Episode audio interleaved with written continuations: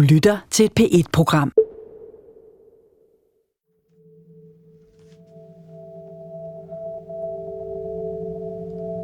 En gammeldags lysekrone blænder kameraet. Bag det skarpe lys kan man ane et stort skab og en seng. En ung pige med brunt hår i en rød trøje træder pludselig ind i billedet. Hun kigger direkte ind i kameraet og rækker sin tunge ud. Hun holder udtrykket i nogle sekunder.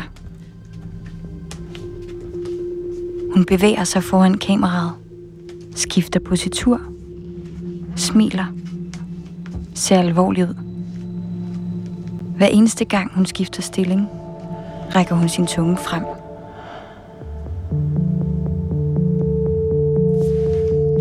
Pigen i videoen er mindreårig, og hendes afpresser kalder sig selv for Sauron. En karakter kendt for Ringnes Herre. Sauron har mange ofre på samvittigheden, og han er et kendt navn i de kredse, hvor afpresningsvideoer af piger og kvinder bliver delt og solgt. Sauron stiller meget specifikke krav til sine ofre, når han afpresser dem. Og de krav bliver til små kendetegn, som gør, at man kan genkende hans forbrydelser. Og det skal vise sig, at de kendetegn spiller en helt særlig rolle.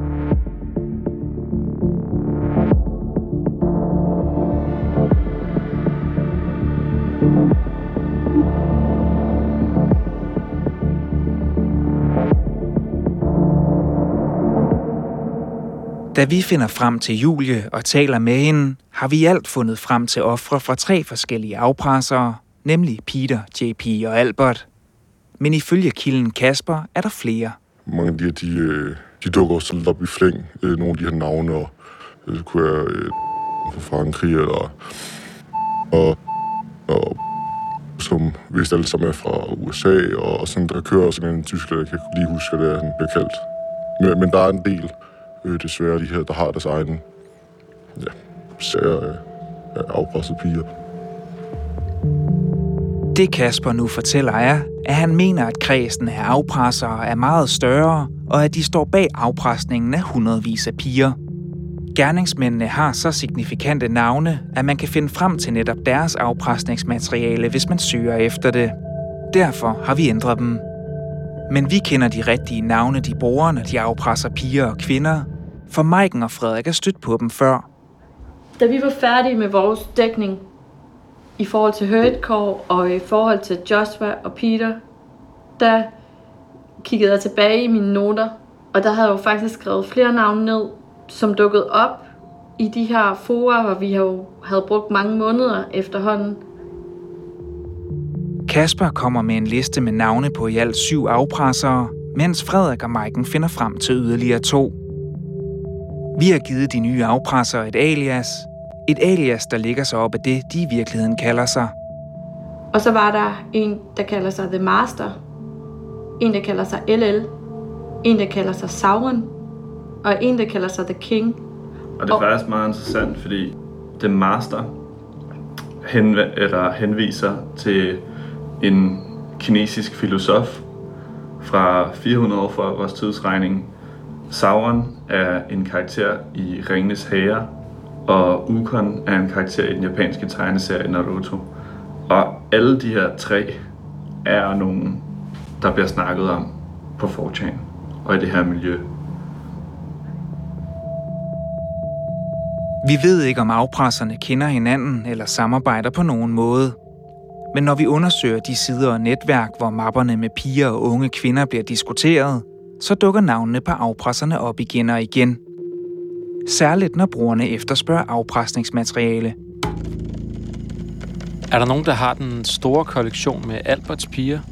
Skulle spørge fra en ven. Drenge, jeg vil gerne bytte. Jeg har 50 af Peters piger, 92 fra Sauron og lidt fra The Master. Jeg har stort set cam-videoer med dem alle. The Master, Sauron og Yukon.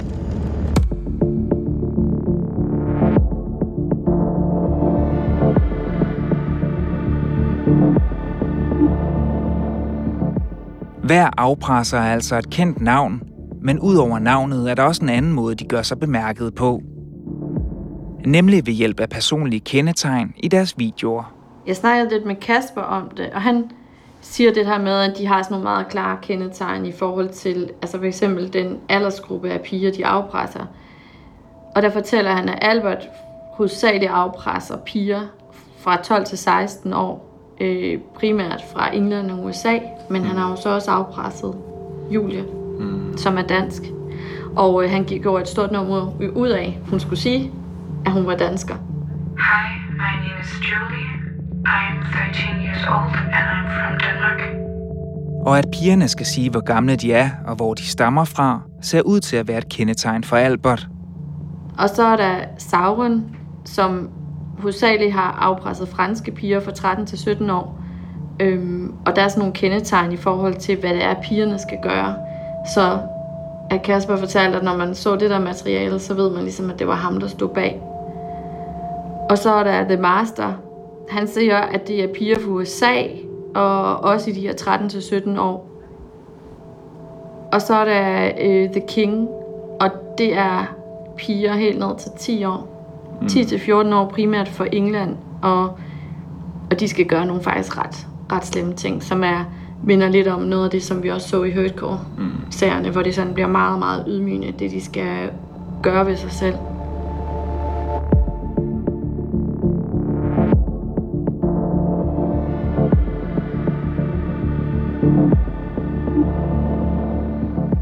Ser man på offrene, afpresningsmetoderne og de steder, hvor materialet bliver delt, så er der altså en forbindelse mellem gerningsmændene. Jamen altså, man kan vel sammenligne det med en form for kunstner, der skriver sin signatur bag på et maleri. De personlige kendetegn og den måde afpresserne er forbundet med hinanden, viser vi til tidligere politiefterforsker Sebastian Rikkelsen, der har beskæftiget sig med seriemordere i Danmark og USA. De er jo tydeligvis stolte af, af det her, de gør.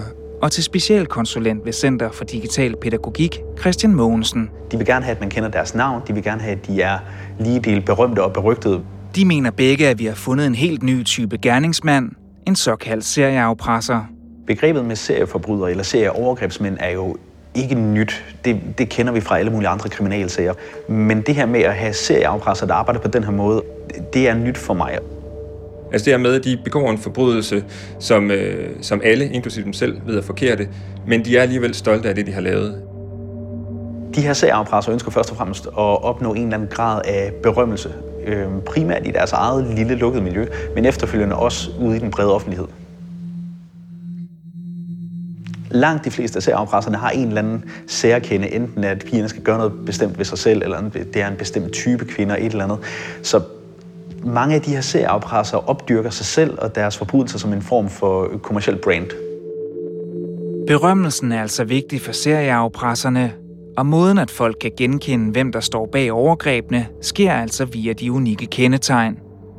For eksempel med piger, der rækker tunge, tvinges til at begå overgreb på sig selv med hårbørster, eller bliver tvunget til at skære deres gerningsmands initialer på kroppen med et barberblad. Altså, hvis, hvis vi kigger på, på seriemordere, så er der jo øh, tilfælde øh, med, at, at nogle af de her ofre, de er blevet bundet på en specifik måde, øh, eller de har indgraveret noget i offeret, de har lagt en, en, en lille seddel. Altså, no, no, nogle ting, som er helt unikke for lige præcis deres øh, person. Og det, det er jo lidt det samme, som jeg kan se, øh, når jeg kigger på det her research, som I har lavet, med at der er nogle helt specifikke måder, som egentlig ikke har noget med forbrydelsen at gøre, men det her med, at de skal, de skal holde et eller andet, eller, eller de skal vise et eller andet, der ligesom viser, at det her, det er, det er denne her afpresser, der stod for det her, den her afpresning. Er vi med til ved at fortælle de her historier om de her afpressere?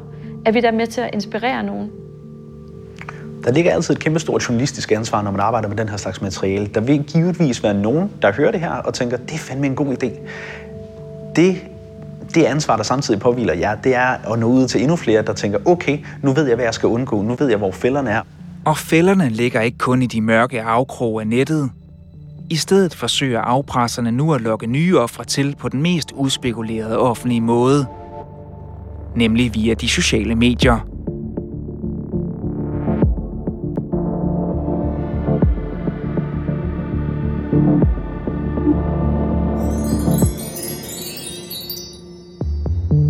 On its most basic level, body positivity is the idea that all bodies are good bodies. Instagram er et af de største sociale medier i verden, og hver eneste sekund uploades der tusindvis af billeder fra folks dagligdag. Men Instagram bliver også ofte brugt af sociale bevægelser, som for eksempel body positivity-bevægelsen, i forsøget på at fremme deres budskab.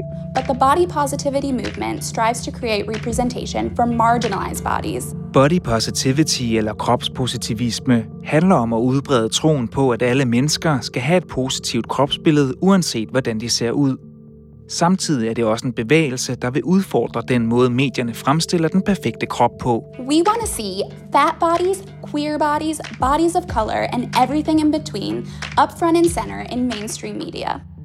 Tusindvis af piger og kvinder støtter bevægelsen og uploader billeder af dem selv og deres krop på Instagram med en opfordring om at kræve retten til sin krop tilbage og stolt vise den frem. Som led i frigørelsen uploader piger og kvinder altså billeder af dem selv, ofte uden særlig meget tøj på og med slagord skrevet på kroppen. En ung pige står på sit værelse i badetøj og smiler til kameraet. En kvinde sidder afklædt på en stol. Hun viser stolt sine strækmærker frem. En anden kvinde filmer sig selv, mens hun med sort eyeliner skriver på sit lår. Stay positive. Der er altså tale om alle slags kvinder, tykke og tynde og i alle aldre, der hylder denne bevægelse. Men vævet ind blandt de mange Instagram-profiler er der også nogen, hvor pigerne er meget unge. Udefra ser billederne uskyldige ud, og pigerne på billederne har tøj på. Men når man kigger nærmere, kan man se, at billederne består af serier. Hvad der ligner et almindeligt billede for bevægelsen, skifter pludselig karakter, når du bladrer videre. De unge piger er ikke længere påklædte.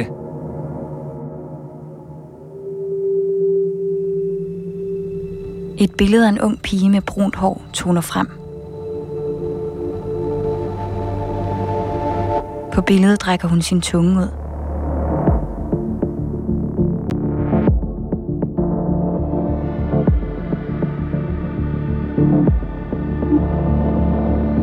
Vi har tidligere kunne afsløre, hvordan materialet af de afpressede piger og kvinder bliver delt på fildelingssider, 4 og pornohjemmesider. Men en tilfældig søgning på et tidligere offers navn fører os pludselig på sporet af, at der måske bliver delt billeder og videoer af afpresningsoffre på Instagram. For blandt almindelige profiler, der hylder den verdensomspændende body positivity bevægelse, dukker der profiler op, som vi kan genkende. I en række profiler står der blandt andet, at det er en body confidence page til usikre teenagere, og så opfordrer den brugere til at sende deres egne billeder ind. Så kan det være, at de får et såkaldt shout, altså bliver hyldet ved at blive lagt op på profilen. Men billederne på profilerne er altså ikke af unge piger, der har en mission om frigørelse. I stedet kan vi se, at de er falske profiler med ansigter af flere afpresningsoffre.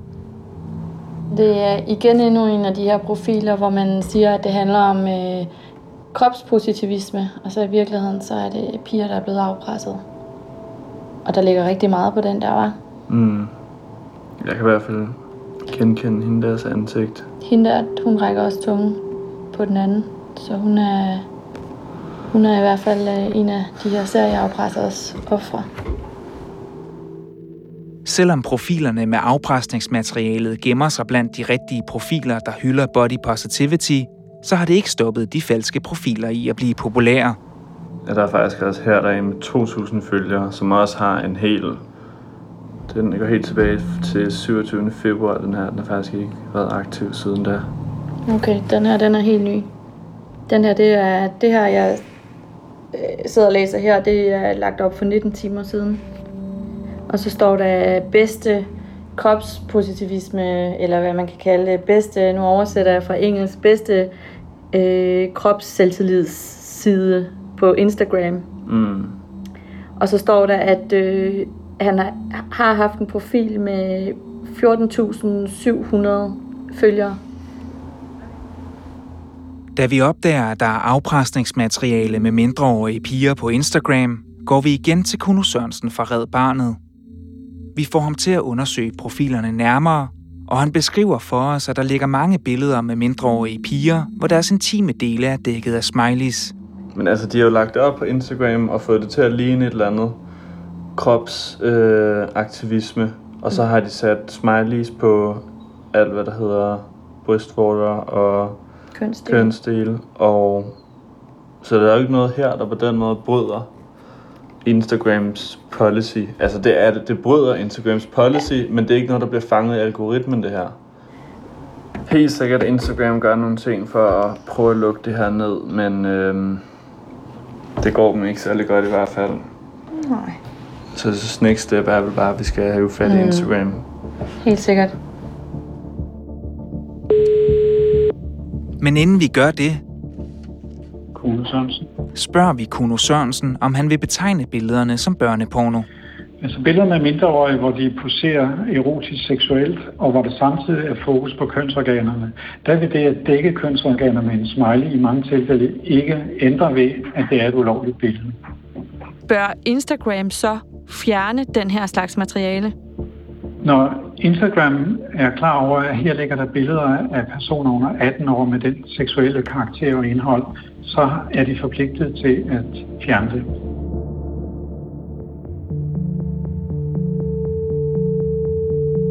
Ifølge Kuno Sørensen er der altså tale om børnepornografiske billeder, også selvom der bliver skærmet for kønsdelene. Derfor vil vi gerne have Instagram til at svare på, hvad de gør for at undgå, at afpressede piger og kvinder bliver delt på deres platform, og hvorfor de ikke har opdaget materialet før. For det, der i første omgang leder os på sporet af, at der ligger afpresningsmateriale på Instagram, er, da vi søger kontaktoplysninger på et tidligere afpresningsoffer. Her finder vi en række profiler med hendes navn og hendes billede, men som viser sig ikke at tilhøre hende. Pigen, som vi kender rigtig godt fra vores research, en 16-årig pige, der blev afpresset til at begå incest på sin 12-årige lillebror. Det er navnet øh, på den pige, der skal se ud til at have den her Instagram-profil. Der er tale om den pige, der måske har været udsat for den værste hurtcore-afpresning. Pigen, som vi har valgt at kalde Anne, og som stammer fra Nordamerika, blev nemlig presset til at forgribe sig på sin lillebror. Billederne og videoerne af overgrebene var så grove, at det rystede Flemming Kjærside, der er politikommissær i Rigspolitiets Nationale Cybercrime Center. Jeg ved ikke, hvor, hvor, jeg kan ikke engang sætte en, en grad af alvorlighed på. Altså dels, altså, hvis der er det element, at nogen er tvunget til at gøre det, øh, jamen så, er vi jo, så, så har vi jo sprunget alle grænser allerede. Og hvis man tvinger bror og søster til at lave noget seksuelt, altså de konsekvenser, som, som det kan have for dem senere hen i livet, de er jo ganske uoverskuelige. Altså hvordan, hvordan får man oprettet sådan et, et, et familieliv bagefter? Billederne og videoerne af Anne går viralt i Sydamerika, og søger man på hendes navn på Instagram, dukker der en række profiler op, hvor det altså fremstår, som om Anne har lavet en profil, der hylder body positivity. Men det gør den ikke. I stedet peger profilerne tilbage til det sted på nettet, hvor meget af delingen og mobningen af afpresningsofferne foregår. I en af de falske Anne-profiler har gerningsmændene skrevet en profiltekst, der tydeligt viser, hvad det drejer sig om. Her står der, Viva la 4chan.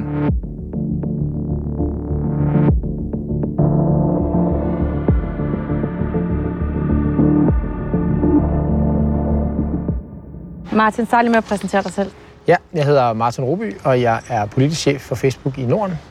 Instagram, der er ejet af Facebook, er vendt tilbage efter vi har gjort dem opmærksom på, at der ligger afpresningsmateriale på deres platform.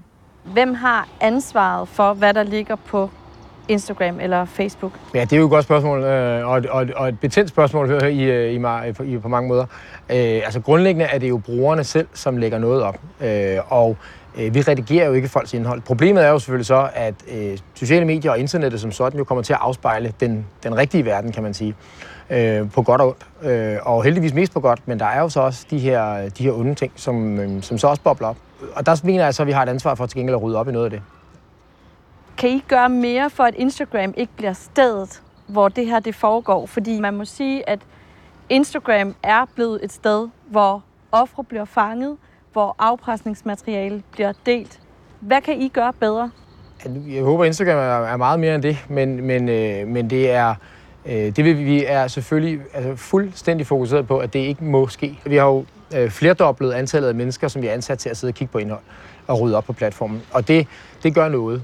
Men der, hvor den, øh, altså, den, den, den atombomben ligger, det er nok nærmere i de her kunstig intelligenssystemer, fordi de kan køre millioner af baggrundstjek. Bare mens vi snakker, så kører de jo millioner af baggrundstjek. Og det er der, hvor at du virkelig kan, kan fange noget af det. Øh, så kan du hurtigt spørge mig, at det, fanger vi nok? Øh, ja, det gør vi jo så tydeligvis ikke. Man kan sige, at i det her tilfælde, der er det så øh, børn, der ligger øh, uden tøj på.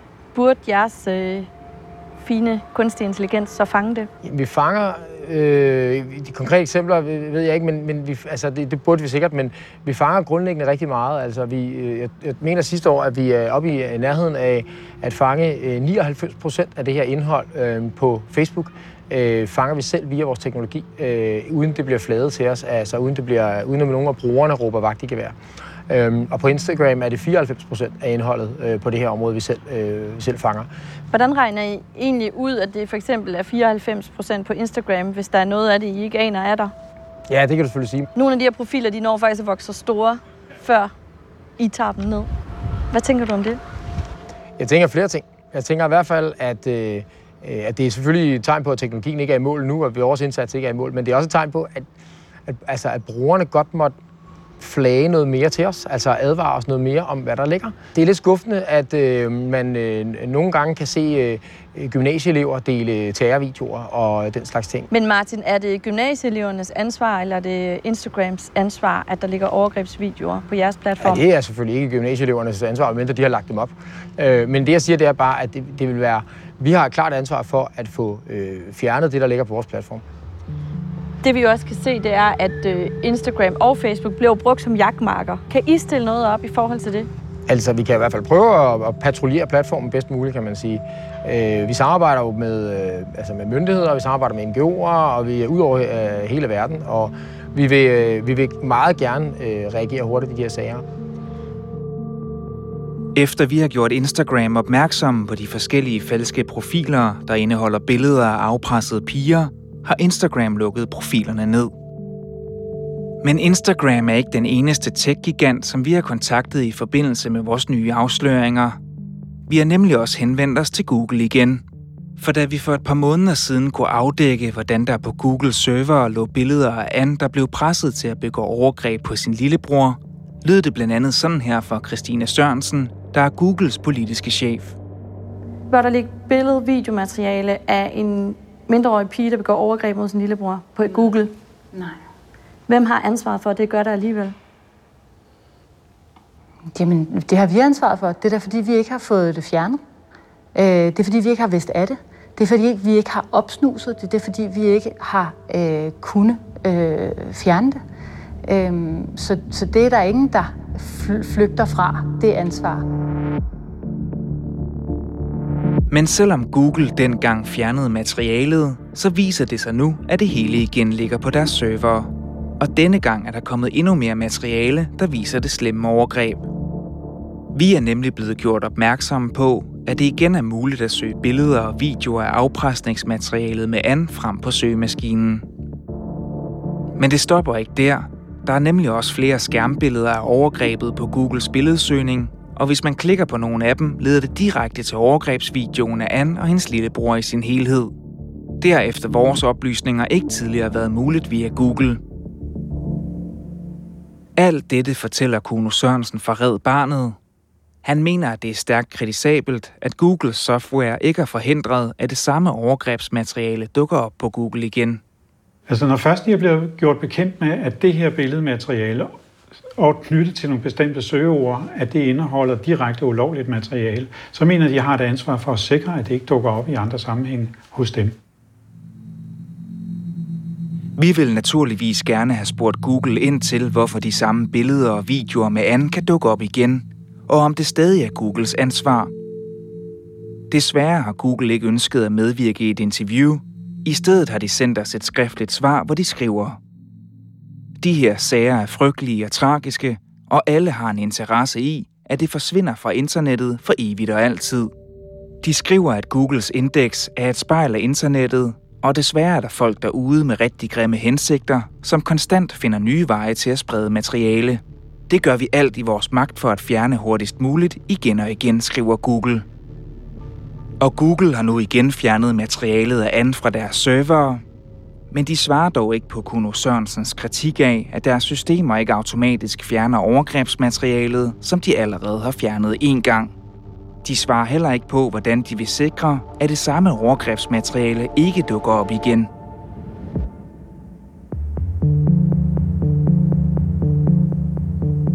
Vi ved altså, der har ligget overgrebsmateriale på Google server, og nu også på Instagram, der ejet af Facebook. Samtidig ved vi, at hver eneste gang de største pornohjemmesider fjerner videoer af afpresningsoffre, så går der ikke lang tid, før de bliver uploadet igen. Hvem der uploader dette, ved vi ikke, men vi ved, at vi har fundet frem til nogle af de største serieafpressere, der har optaget videoerne. Lige nu kender vi kun til, at en af afpresserne er blevet dømt, nemlig JP. Der er dog endnu en, som kan risikere at tilbringe lang tid bag trammer, og det er Peter. Lige siden politiet fik adgang til Kaspers materiale, der var medvirkende til, at Peter blev anholdt i Mexico, har vi holdt øje med ham. Vi fandt blandt andet frem til den video, som viser anholdelsen af ham.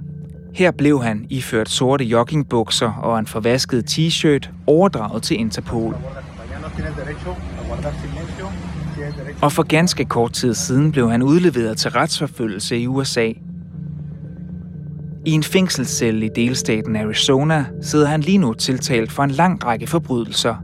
De værste er produktion og salg af videoer, hvor børn bliver udsat for overgreb. Men sagen er langt fra slut. Peter er indtil videre tiltalt i hele fem amerikanske delstater, og flere kan være på vej. Nu skal anklagemyndigheden til at optravle alt, hvad de mener, Peter har stået bag.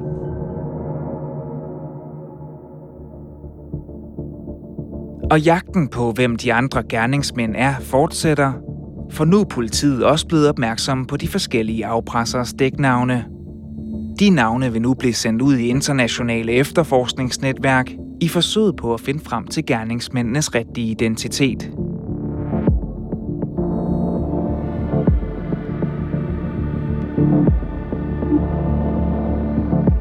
Har du et tip, eller ved du noget om afpresning på internettet, så kan du kontakte os på P1 Dokumentar eller krypteret på P1 Dokumentar protonmail.com. Serien er produceret af Maiken Sten Frederiksen, Frederik Hugo Ledegaard og mig. Jeg hedder Christian Stemann. Lyddesignet er lavet af Bastian Bak, og sine mandsdotter har klippet og monteret. Skuespiller Olivia Simonsen har lagt stemme til Julie, og Ida Skjærk har indtalt scenerne. Redaktør for serien er Jens Wittner Hansen.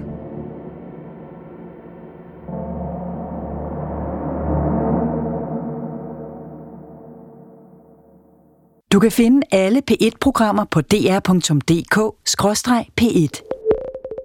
Det giver mening.